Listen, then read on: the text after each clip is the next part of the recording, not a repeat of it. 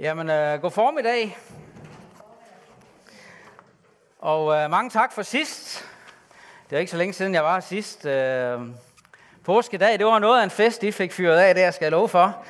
Det var en fornøjelse. Så mange tak for det. Øh, det er godt at være her igen. Øh, og nu er vi jo i tiden mellem øh, påsken og pinsen. Vi ser frem mod øh, Helligåndens komme pinsedag. Og det er også det, der ligesom præger øh, teksterne her i tiden mellem øh, påsken og pinsen. Og øh, det er også øh, det, som ligesom er, er temaet for, for i dag, sandhedens ånd. Vi skal se på en tekst fra Johannes evangeliet kapitel 16, vers 5-15, hvor Jesus netop forbereder sine disciple øh, på Helligåndens komme, på at talsmanden sandhedens ånd skal komme. Og vi skal begynde med at, at læse teksten. Altså fra Johannes evangelie kapitel 16, vers 5-15, og den står også i jeres øh, bag på programmet. Det er Jesus, der siger, nu går jeg til ham, som har sendt mig. Og ingen af jer spørger mig, hvor går du hen? Men fordi jeg har talt sådan til jer, er jeres hjerte fyldt af sorg. Men jeg siger sandheden. Det er det bedste for jer, at jeg går bort. For går jeg ikke bort, vil talsmanden ikke komme til jer. Men når jeg går herfra, vil jeg sende ham til jer. Og når han kommer, skal han overbevise verden om synd og om retfærdighed og om dom. Om synd, at de ikke tror på mig. Om retfærdighed, at jeg går til faderen, og I ser mig ikke længere. Om dom, at denne verdens fyrste er dømt. Jeg har endnu meget at sige jer, men det kan I ikke bære nu. Men når han kommer, sandhedens ånd, skal han vejlede jer i hele sandheden. For han skal ikke tale af sig selv, men alt hvad han hører, skal han tale, og hvad der kommer, skal han forkynde for jer. Han skal herliggøre mig, for han skal tage mit og forkynde det for jer. Alt hvad faderen har er mit. Derfor sagde jeg, at han skal tage mit og forkynde det for jer. Amen. Lad os bede sammen.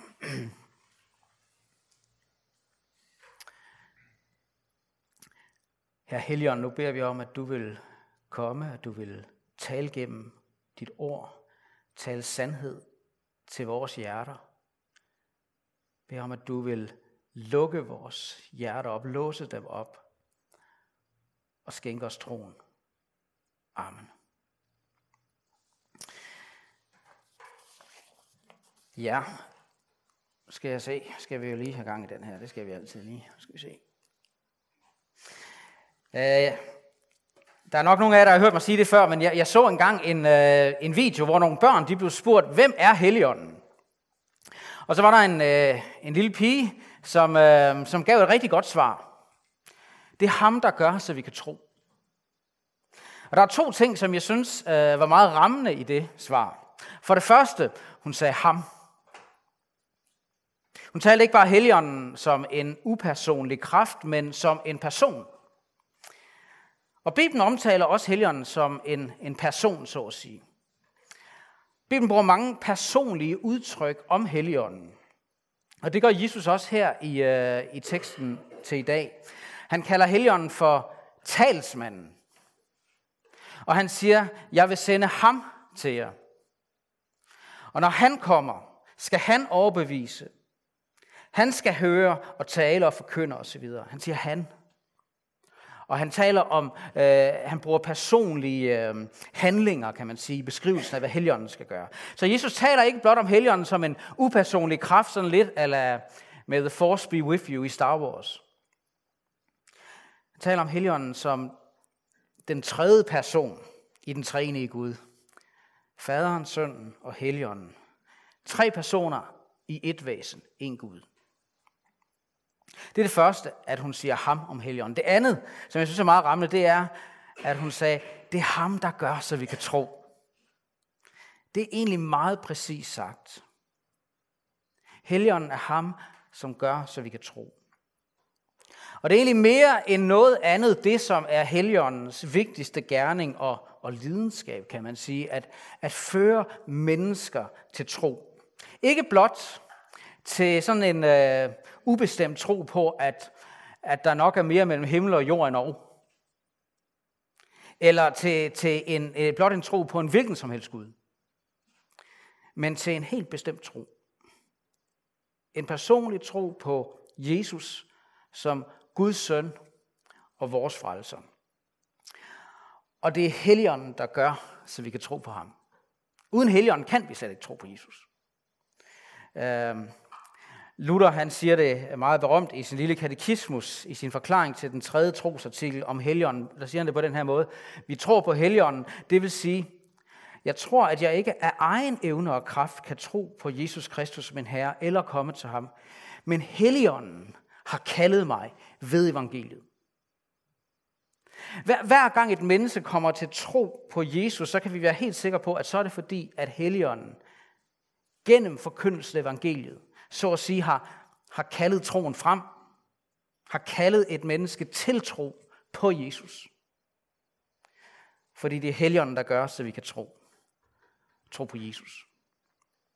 Man kan sige, at Helligånden er den eneste, der med evangeliet som nøgle, så at sige, kan, kan låse vores lukkede hjerter op. Eller han, Helligånden er den eneste, der kan, der kan låse troen større op for os, så at sige. Helligånden er ham, der gør, så vi kan tro. Øhm, før Jesus forlod den her verden, der talte han med sine disciple om, at han ville sende Helligånden til dem. Han talte om det før sin død, før han gik bort for at give dem sit liv, øh, for at give øh, sit liv for dem på korset. Og han talte også om det efter sin opstandelse, før han øh, vendte tilbage til faderen i himlen. Og en af de ting, som, øh, som han prøvede at sige til dem, det var, at det var nødvendigt. Ja, lige frem til deres eget bedste, at han gik bort. Han siger det sådan her. Men jeg siger jer sandheden. Det er det bedste for jer, at jeg går bort. For går jeg ikke bort, vil talsmanden ikke komme til jer. Men når jeg går herfra, vil jeg sende ham til jer. Talsmanden, det er det her udtryk, Jesus bruger om heligånden. På en eller anden måde, så vil Jesus altså, at disciplene øh, og vi skulle forstå to ting. For det første, at det, at Jesus nu via sin død og opstandelse og himmelfart skulle gå bort fra den her verden, det var en nødvendighed for at Helligånden kunne komme. Og det hænger sammen med de forskellige roller, kan man sige, som Jesus og Helligånden har i, øh, i Guds frelsesplan. Først, først måtte Jesus fuldføre sin frelsende gerning for alle mennesker gennem sin død og opstandelse og sin himmelfart. Helligåndens gerning var derefter, så at sige, at, at, at tage den her frelse, som Jesus havde fuldbragt, og bringe den ud til alle folkeslag gennem forkyndelsen af evangeliet. Helligåndens komme kunne ikke virkelig gøres. Helligånden kunne ikke begynde denne gerning, før Jesus havde lidt døden som korsfæstet og, og var opstået og ophøjet til herligheden ved faderens side i himlen.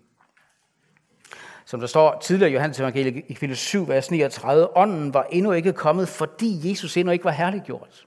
Det måtte først ske. For det andet, så ville Jesus at, at disciplene og vi skulle forstå, at, at hans egen bortgang og heligåndens komme og nærvær i hans sted ikke var en forandring til det ringere, men faktisk til det bedre. Det er det bedste for jer, sagde han. Og det er helt tydeligt, når man, når man læser de her kapitler, og, og at, at Helion, eller undskyld, disciplene er, er, er, er fuld af sorg. Og, og, og de har svært ved at tage det her ind, at det skulle være bedst for dem at Jesus nu går bort.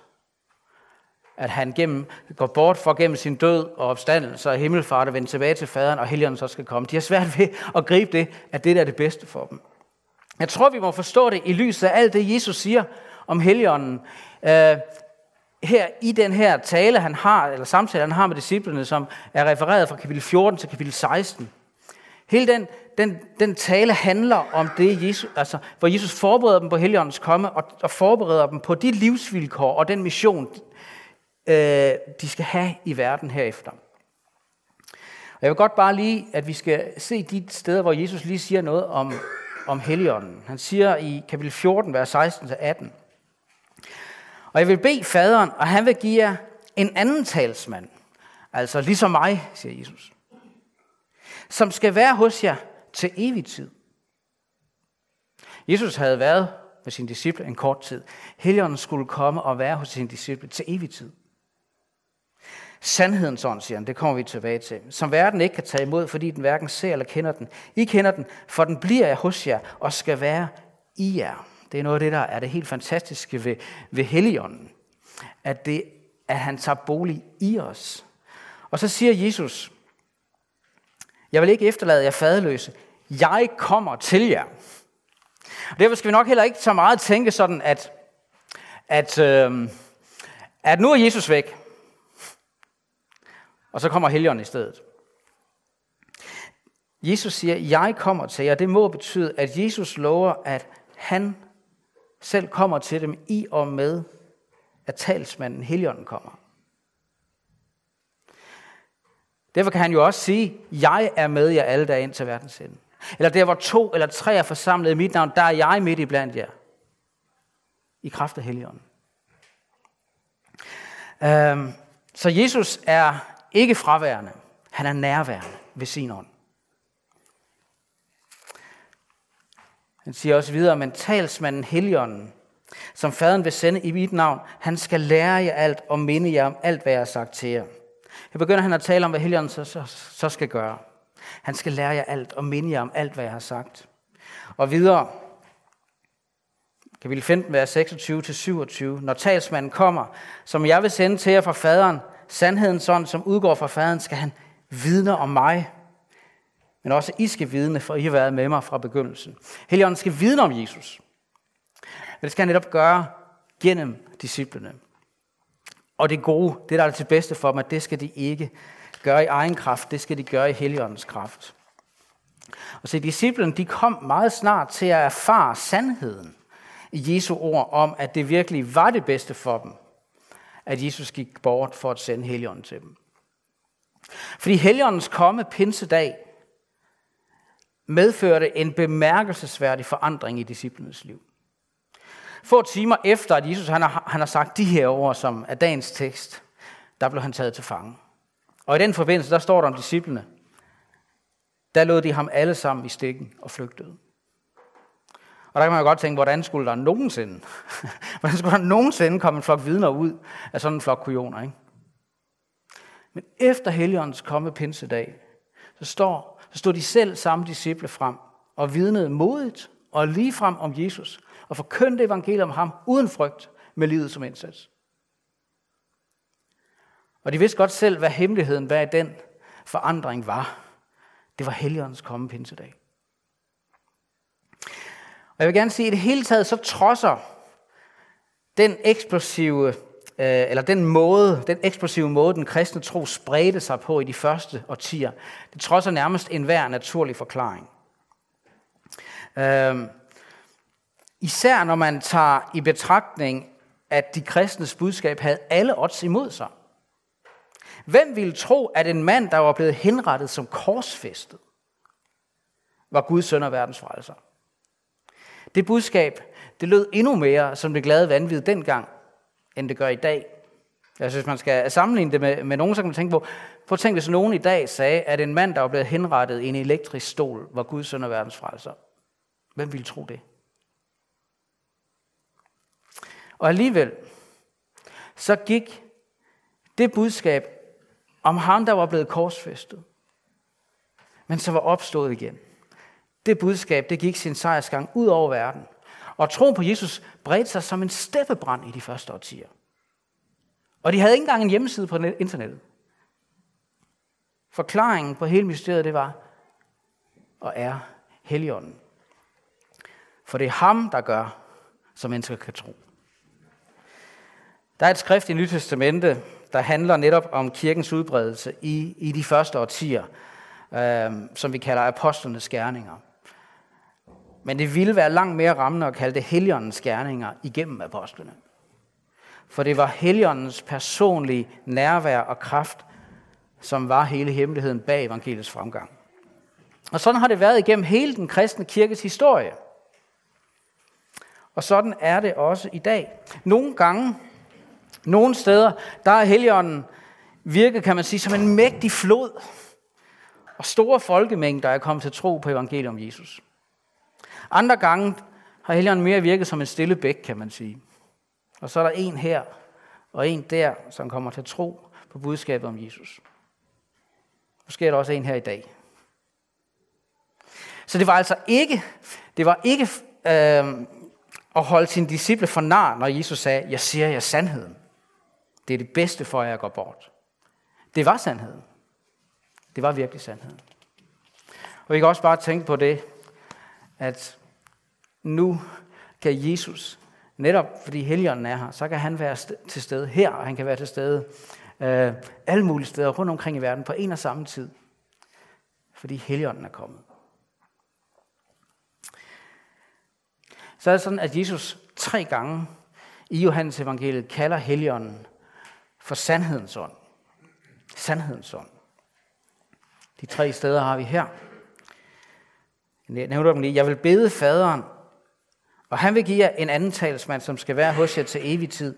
Sandhedens ånd. Når talsmanden kommer, som jeg vil sende til jer fra faderen, sandhedens ånd, som udgår fra faderen, skal han vidne om mig. Og så i kapitel 16, vers 13. Men når han kommer, sandhedens ånd, skal han vejlede jer i hele sandheden. Jesus må ligesom have en pointe med igen og igen bruge det her udtryk, sandhedens ånd om Helligånden. Hvorfor kalder Jesus Helligånden netop for sandhedens ånd? Jeg tror, det er fordi, at Helligånden kommunikerer sandheden til os mennesker. Og læg mærke til alle de udtryk, Jesus bruger øh, i, i de her kapitler om Helligånden. Han, Helligånden vidner om sandheden. Han lærer os sandheden. Han, han fortæller os sandheden. Han forkynder sandheden. Han, han åbenbarer sandheden. Han viser sandheden. Han forklarer sandheden. Han vejleder os i sandheden. Helligånden står helt i sandhedens tjeneste.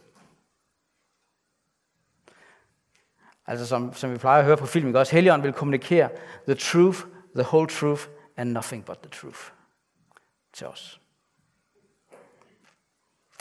Sandhedens ånd vil kommunikere sandheden om os selv. Sandhedens ånd vil kommunikere sandheden om den verden, vi lever i. Og frem for alt, så vil sandhedens ånd kommunikere ham, som er sandheden. Jesus Kristus. Det er ham, Helligånden, så at sige, vil kommunikere til os. Vise os, åbenbare os. Og hvis vi ser lidt nærmere på, hvad Jesus siger om Helligåndens funktion i teksten, så kan vi se, at der, der ligesom er to aspekter i det. Og begge dele, begge dele understreger ligesom netop det her, at Helligånden er sandhedens ånd og står i sandhedens tjeneste. Og jeg vil tage det i omvendt rækkefølge. Den sidste del af teksten handler om, at Helligånden skal vejlede disciplene, altså dem, som allerede tror i hele sandheden, og herliggøre Jesus for dem. Og det andet aspekt handler om, at Helligånden skal overbevise verden, den verden, der endnu ikke tror, om synd og retfærdighed og om dom. Det skal vi prøve at se på. Allerførst det med, at Helligånden skal vejlede disciplene i sandheden og herliggøre Jesus for dem. Det kan mærke at Jesus han, han siger i den her tekst til sine disciple, jeg har endnu meget at sige til jer, men det kan I ikke bære nu. Gennem tre år havde øh, Jesus undervist sine disciple, og der er ingen tvivl om, at han havde lært dem en hel del. Men hvor meget han end havde lært dem, så havde han stadig meget at sige til dem. Og i modsætning til mange prædikanter, så sagde han det så ikke mere. Hvorfor ikke? Fordi de kunne ikke bære det endnu. De kunne så også ikke rumme det endnu. Når man læser evangelierne, så er det som om Jesus helt bevidst fortæller dem præcis så meget, som de kan rumme og bære. Han forbereder dem præcis så meget, som, som de kan bære, som de kan tage ind på det tidspunkt, men ikke mere end det. For eksempel, så forudsagde han klart og tydeligt sin død og opstandelse. Men han lærte dem faktisk kun antydningsvist om betydningen af hans død og opstandelse. I stedet så gav han sine disciple løftet om, at når Helligånden kom, så skulle han vejlede dem i hele sandheden og herliggøre Jesus for dem. Gør Jesus stor for dem. Og vi kan sige, at, at hele Nytestamentet er et udtryk for det. Helligånden gav de første disciplene, apostlene som vi kalder dem, indsigt netop i hele sandheden om Jesus. Så de, de forstod hele det gamle testamente i et helt nyt lys. De, de, de forstod nu pludselig hele Guds frelsesplan for verden igennem Jesus. Og inspireret af Helligånden skrev de de skrifter, som vi nu har i Nyt Testamentet. Og se, netop derigennem, igennem det her ord, fortsætter Helligånden også den her funktion i dag med at vejlede os i hele sandheden og herliggøre Jesus for os. Helligånden taler til os igennem Bibelens ord for at vejlede os i hele sandheden og for at gøre herliggøre Jesus for os. For at vi må tro på Jesus, tilbede ham, elske ham, adlyde ham, følge ham. Det gør Helligånden gennem det ord, der står her, og forkyndelsen af det ord. Jeg har et, øh, et favoritvers, tror jeg, om Helligånden i Bibelen. Det er Paulus, der skriver i 1. Korinther 2.12. Øh, vi har ikke fået verdens ånd, men ånden fra Gud, altså Helligånden, for at vi skal vide, hvad Gud i sin nåde har givet os. Og i sammenhæng er pointen, hvad Gud i sin nåde har givet os i Jesus.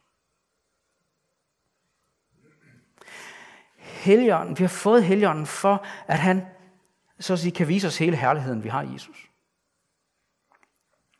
Og her der kommer der noget vigtigt i det kristne fællesskab. Øh, for eksempel her i, i, i i menigheden, i kirken, eller i, i B-gruppen, som vi vel stadig har her, der giver, især hvis I, I lever med Bibelen, så giver Helligånden jer hver især nogle glimt af sandheden. Han giver jer små erkendelser af sandheden, som I kan dele med hinanden. Og derigennem kan Helligånden vise jer mere og mere af sandheden. Derigennem kan, kan, kan, kan, kan Helligånden gøre, at I sammen ser mere og mere af sandheden, lærer mere om sandheden. Derigennem kan Helligånden vejlede jer i sandheden, guide jer til at leve i sandheden. Fordi når vi er sammen, er Helligånden sammen med os. Og han vil bruge hver enkelt af os til at vejlede os som fællesskab i hele sandheden. Den sandhed, som vi har fået givet i Bibelen, for at give os tro på Jesus, og for at, vi må, at han må blive stadig større for os. Og derfor, når I for eksempel er, i B, er sammen i B-gruppen, eller hvor det nu er, ikke? Så, så kan der være en person, der siger, jeg læste det her i Bibelen, og det vil jeg gerne dele med jer. For jeg synes, det lærer os nogle vigtige sandheder om Jesus. Så virker Helligånden igennem det. Eller en anden siger, siger, jeg oplevede det her, som jeg synes afslører en sandhed om mig selv. Det vil jeg gerne fortælle jer om. Eller der er en tredje, der har sagt, jeg har ligesom fået lagt noget på hjerte, som måske kan være til opmuntring for nogle af jer andre. Ligesom det er blevet det, blevet det for mig selv. Eller der kan være en fjerde, der siger, at den her sanglinje, den er bare kommet til at betyde enormt meget for mig. Skal vi ikke synge den sang? Eller der kan være en femte, der siger, jeg, jeg har et bedeemne, som fylder rigtig meget for mig i øjeblikket. Jeg vil gerne dele det med jer, så I også kan bede for det her. Sådan så kan vi være heligåndens redskaber til at tale sandheden i kærlighed til hinanden, ind i hinandens liv. Sådan så, at Jesus, som er sandheden, bliver stadig, stadig større for os og mere herlig.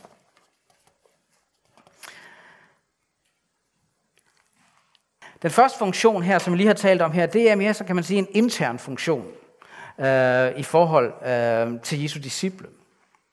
Dem, som allerede tror på ham. Den anden af Helligåndens grundlæggende funktioner, som øh, Jesus nævner, det er, at Helligånden skal overbevise verden.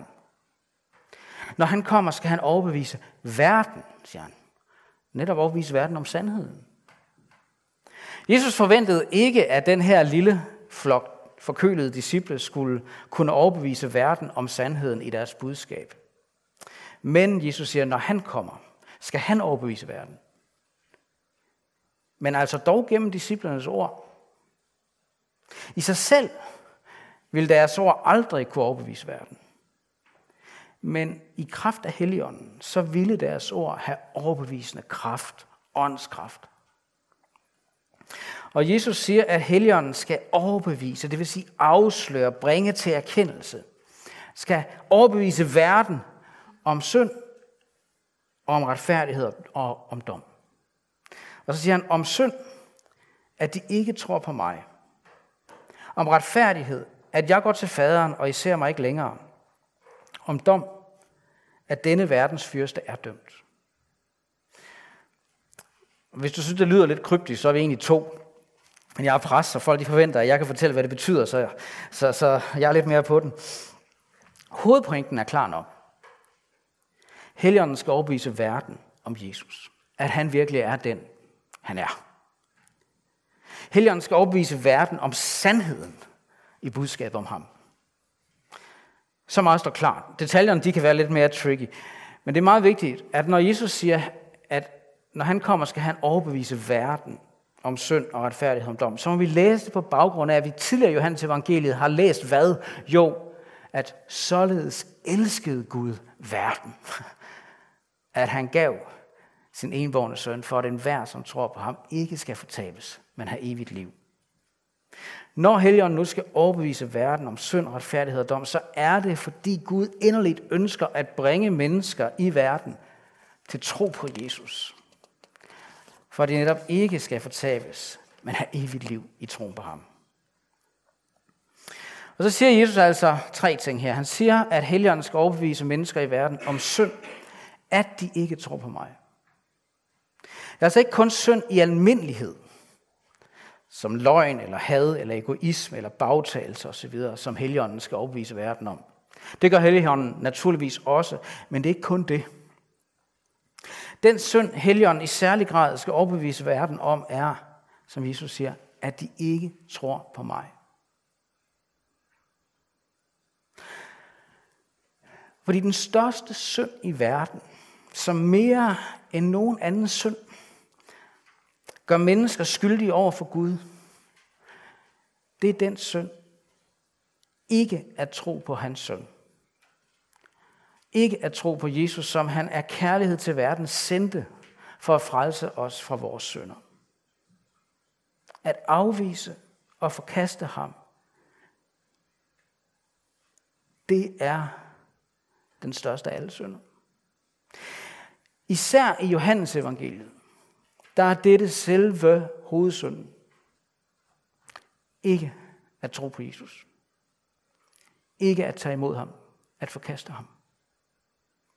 At forkaste ham, som bar al verdens synd. Det læser vi også om tidligt i Johannes evangeliet. Se, der er Guds lam, som bærer verdens synd. I ham, der er der virkelig tilgivelse for al synd. I ham er der syndernes forladelse for alle. Det er dybest set kun vantroen, forkastelsen af ham, der kan fordømme et menneske. At tro på Jesus, det er at blive frelst fra synd. Det er at få alt synd tilgivet. Ikke at tro på Jesus. Det er at, at blive i synden. Det er ikke at have tilgivelse for synden. Og hvis man ikke vender om, så er det at dø i sine synder. Det var mere end noget andet, den synd, som Helligånden overbeviste næsten 3.000 jøder om den første pinsedag gennem apostlen Peters prædiken. Så det stak dem i hjertet. Det stak dem i hjertet, da Helligånden talte sandhed ind i deres hjerte. Så de indså deres synd, at de havde korsfæstet Guds egen søn. Det var derfor, de udbrød, hvad skal vi gøre for at blive frelst? Og Peter sagde, omvend jer, og lad jer alle døbe i Jesu Kristi navn til jeres sønders forladelse. For det er ham, der er søndernes forladelse. Så skal I få Helligånden som gave. Og også i dag, der er det mere end noget andet, netop denne synd, Helligånden vil overbevise mennesker om, at de ikke tror på ham. Hvad enten det er en bevidst vantro og afvisning af Jesus, eller det er bare sådan ligegyldighed over for ham. Der er tilgivelse for al synd. Men at forkaste Jesus og blive ved med det, det er dybt alvorligt. Dernæst siger Jesus, Helligånden skal overbevise verden om retfærdighed. At jeg går til faderen, og I ser mig ikke længere. Og jeg tror, når Jesus her taler om, at Helligånden skal overbevise verden om retfærdighed, så er det Jesu retfærdighed, der er tale om. Hans skyldfrihed, kan man sige. Hvad gjorde verden? Jo, verden dømte Jesus skyldig til døden. Henrettede ham som en forbryder på et kors. Og verden troede, at Jesus ville rådne op i sin grav. Men sandheden var, at Jesus var ikke nogen forbryder. Han var retfærdig. Han var uden skyld, uden synd og uden skyld. Og derfor rådnede han ikke op i sin grav. Men Gud oprejste sin søn fra de døde. Han erklærede ham retfærdig. Og han ophøjede til himlen, herliggjorde ham. Derfor siger Jesus, jeg går til faderen. Og det er så at sige et bevis på hans retfærdighed. Som vi synger, så løft dit øje, se ham der, den evige retfærdighed. Det er Jesus. Og Helligånden skal overbevise verden om Jesu retfærdighed. Og dermed dybest set også om vores egen uretfærdighed. Vores egen syndighed over for Gud. Bibelen siger, at vores retfærdighed er som snavset tøj i Guds øjne. Det er vel at, mærke, vel at mærke ikke vores sønder, han sammenligner med snavset tøj, men vores retfærdighed. Vores, vores godhed og fromhed. Selv når vi er allerbedst, selv vores allerbedste ord og handlinger, er dog som snavset beskidt tøj over for den hellige Gud. Men Jesus, som selv var fuldkommen retfærdig i alt, hvad han var og sagde og gjorde, han døde for syndere som os. Og på grund af hans død for vores uretfærdighed og synd, så har Gud bestemt, at enhver, som tror på hans søn, vil Gud også helt ufortjent og er noget erklære retfærdig og frikendt for al synd og skyld overfor ham. Det er kernen i evangeliet. For det tredje og sidste, så siger Jesus, at heligånden skal overbevise verden om dom, at denne verdens fyrste er dømt.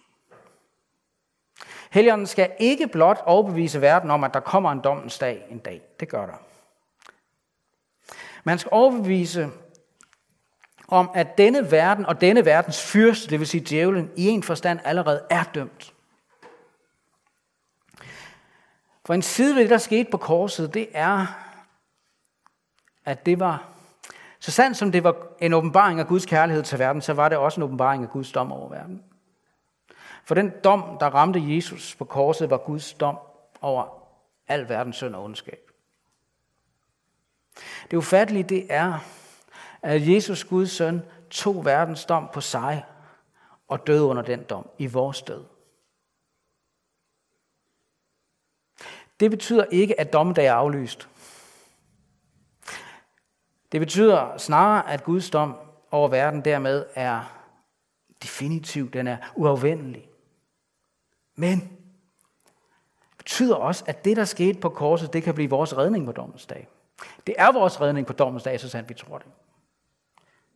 Fordi Guds søn tog Guds dom på sig på korset, for at enhver, som tror på ham, ikke skal blive ramt af Guds dom på dommens dag, men gå fri. Og derfor så var korset Guds genistreg, kan man sige.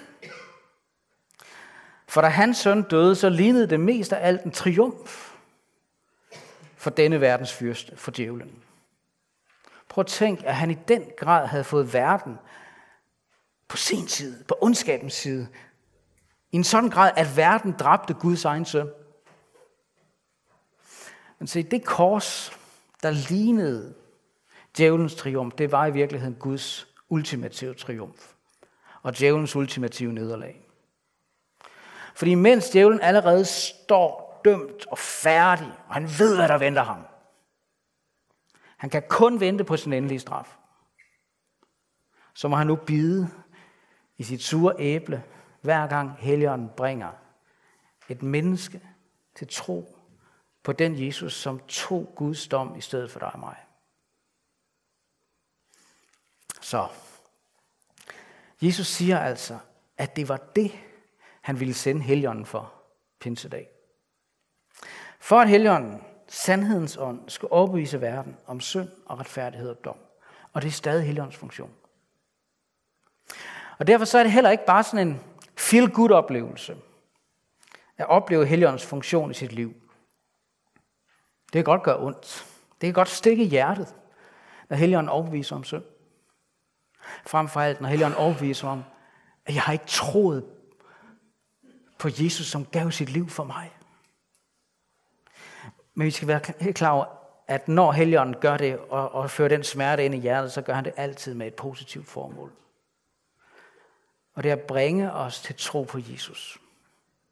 For vi skal få hans nåde, hans kærlighed, hans tilgivelse, hans fred, hans glæde. Og det evige liv i troen på ham. Og lad mig bare slutte med at sige, at i dag, der er Jesus også her til stede ved sin hellige ånd. Han er ved sandhedens ånd. Og han er for at kommunikere sandheden til os i dag. Sandheden om os selv, om verden, og frem for alt sandheden om Jesus og hans kors. Og i dag er det måske sandhedens øjeblik i dit liv. I dag er det måske den dag, hvor du skal Lad sandheden føre dig til erkendelse af din synd og omvendelse fra din synd. I dag er det måske den dag i dit liv, hvor Helligånden vil åbne troens dør i dit liv til Jesus, ham som er sandheden. For det er ham, der gør, så du kan tro på Jesus. Og han ønsker mere end noget andet at give dig den tro.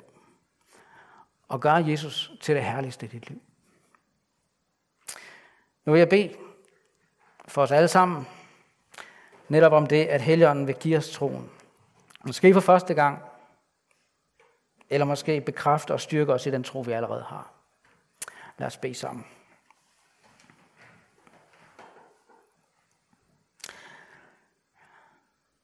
Herre Helligånd, tak fordi du er sandhedens ånd.